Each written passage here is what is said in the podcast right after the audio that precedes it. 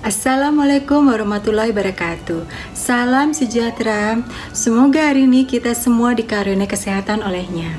Dengan Niken Tantio Sudarmono mengucapkan terima kasih sudah berkenan mendengarkan YouTube-YouTube saya ini.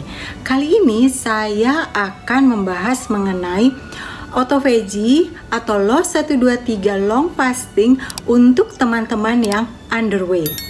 Nah, selama ini kita ketahui bahwa LOS 123 dengan tujuan autophagy biasanya digunakan untuk teman-teman yang overweight selain untuk penyakit-penyakit lainnya. Nah, bagaimana jika ada teman yang underweight tapi ingin menyembuhkan penyakit-penyakit yang banyak di dalam tubuhnya yang bisa disembuhkan dengan autophagy? Nah, biasanya underweight ini adalah salah satu ciri dari leaky gut. Nah, gimana nih? Leaky gut itu adalah salah satu ciri dari uh, underweight bahkan juga overweight. Jadi uh, terlalu kurus ataupun terlalu gemuk itu adalah salah satu ciri dari leaky gut. Nah, gimana nih ceritanya? Karena berarti asupan-asupan yang dikonsumsi tidak bisa membentuk otot, tidak bisa membuat uh, tubuh menjadi uh, menampung sel lemaknya jadi lumayan padat. Itu karena uh, nutrisinya tidak bisa diabsorb oleh tubuh dengan sempurna. Hal ini hanya bisa terjadi jika leaky gut sedang ada di dalam tubuh kalian. Nah, bagi teman-teman yang underweight, biasanya saya tidak mengusulkan untuk masuk ke loh 3 secepatnya. Tapi perkuat dulu dengan loh 1 dan 2-nya. Di mana loh 2 dimasukkanlah regimen untuk treatment leaky gut. Mungkin masih ingat treatment leaky gut itu apa saja? Nah, treatment leaky gut ini saya ulang di sini yaitu uh, gluten free, grain free, sugar free, dairy free, egg free, nightshade. Nightshade ini termasuk dengan terong-terongan, cabai-cabean, kentang putih, um, dan juga tomat, ya. Lalu juga uh, lepaskan diri dari ketergantungan pada kopi. Nah, ini semua dapat memperbaiki leaky.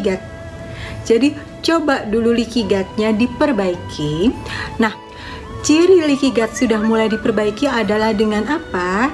Adalah dengan berat badan mulai naik pastinya. Nah, pada saat berat badan sudah sempurna, apa pun yang mau dilakukan termasuk misalnya autophagy, biasanya tidak akan mengganggu berat badan lagi. Nah, yuk sekarang kita cek dulu apakah asupan selama ini sudah baik atau belum. Jangan sampai salah. Selain itu, selain kita memperbaiki leaky gut, biasanya teman-teman yang underweight mulai merasa sendi-sendinya sakit. Nah, sendi-sendi sakit ini biasanya adalah karena uh, tumpukan oksalat dalam tubuh kita. Ya, oksalat ini banyak sekali ditemukan dalam sayuran dan jika kita menguranginya, dia akan menjadi tumpukan di mana-mana. Oksalat ini akan dilempar ke sendi mana pun juga. Selain itu, oksalat juga tenggarai sebagai sumber dari uh, batu-batu uh, dalam tubuh kita, seperti misalnya batu ginjal, batu empedu. Ini semua karena oksalat. Nah, salah satu untuk meredius oksalat ini dalam tubuh kita, biasanya saya sarankan adalah sepagi mungkin minumlah lemon.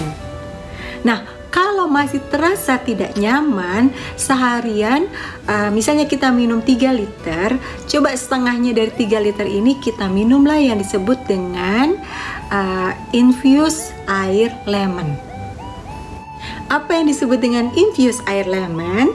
Infused air lemon ini adalah lemon yang dicampur dengan air uh, mineral biasa lalu kita minum karena uh, lemon ini bisa membantu melarutkan oksalat-oksalat yang ada di dalam tubuh kita. Jadi uh, biasanya radang sendi akan berkurang dan juga batu-batu di dalam tubuh kita akan terbantukan untuk keluar juga. Tapi ingat, proses ini bukan proses yang enak. Nah, seperti yang saya selalu bilang, sakit itu adalah suatu proses dari penyembuhan kita.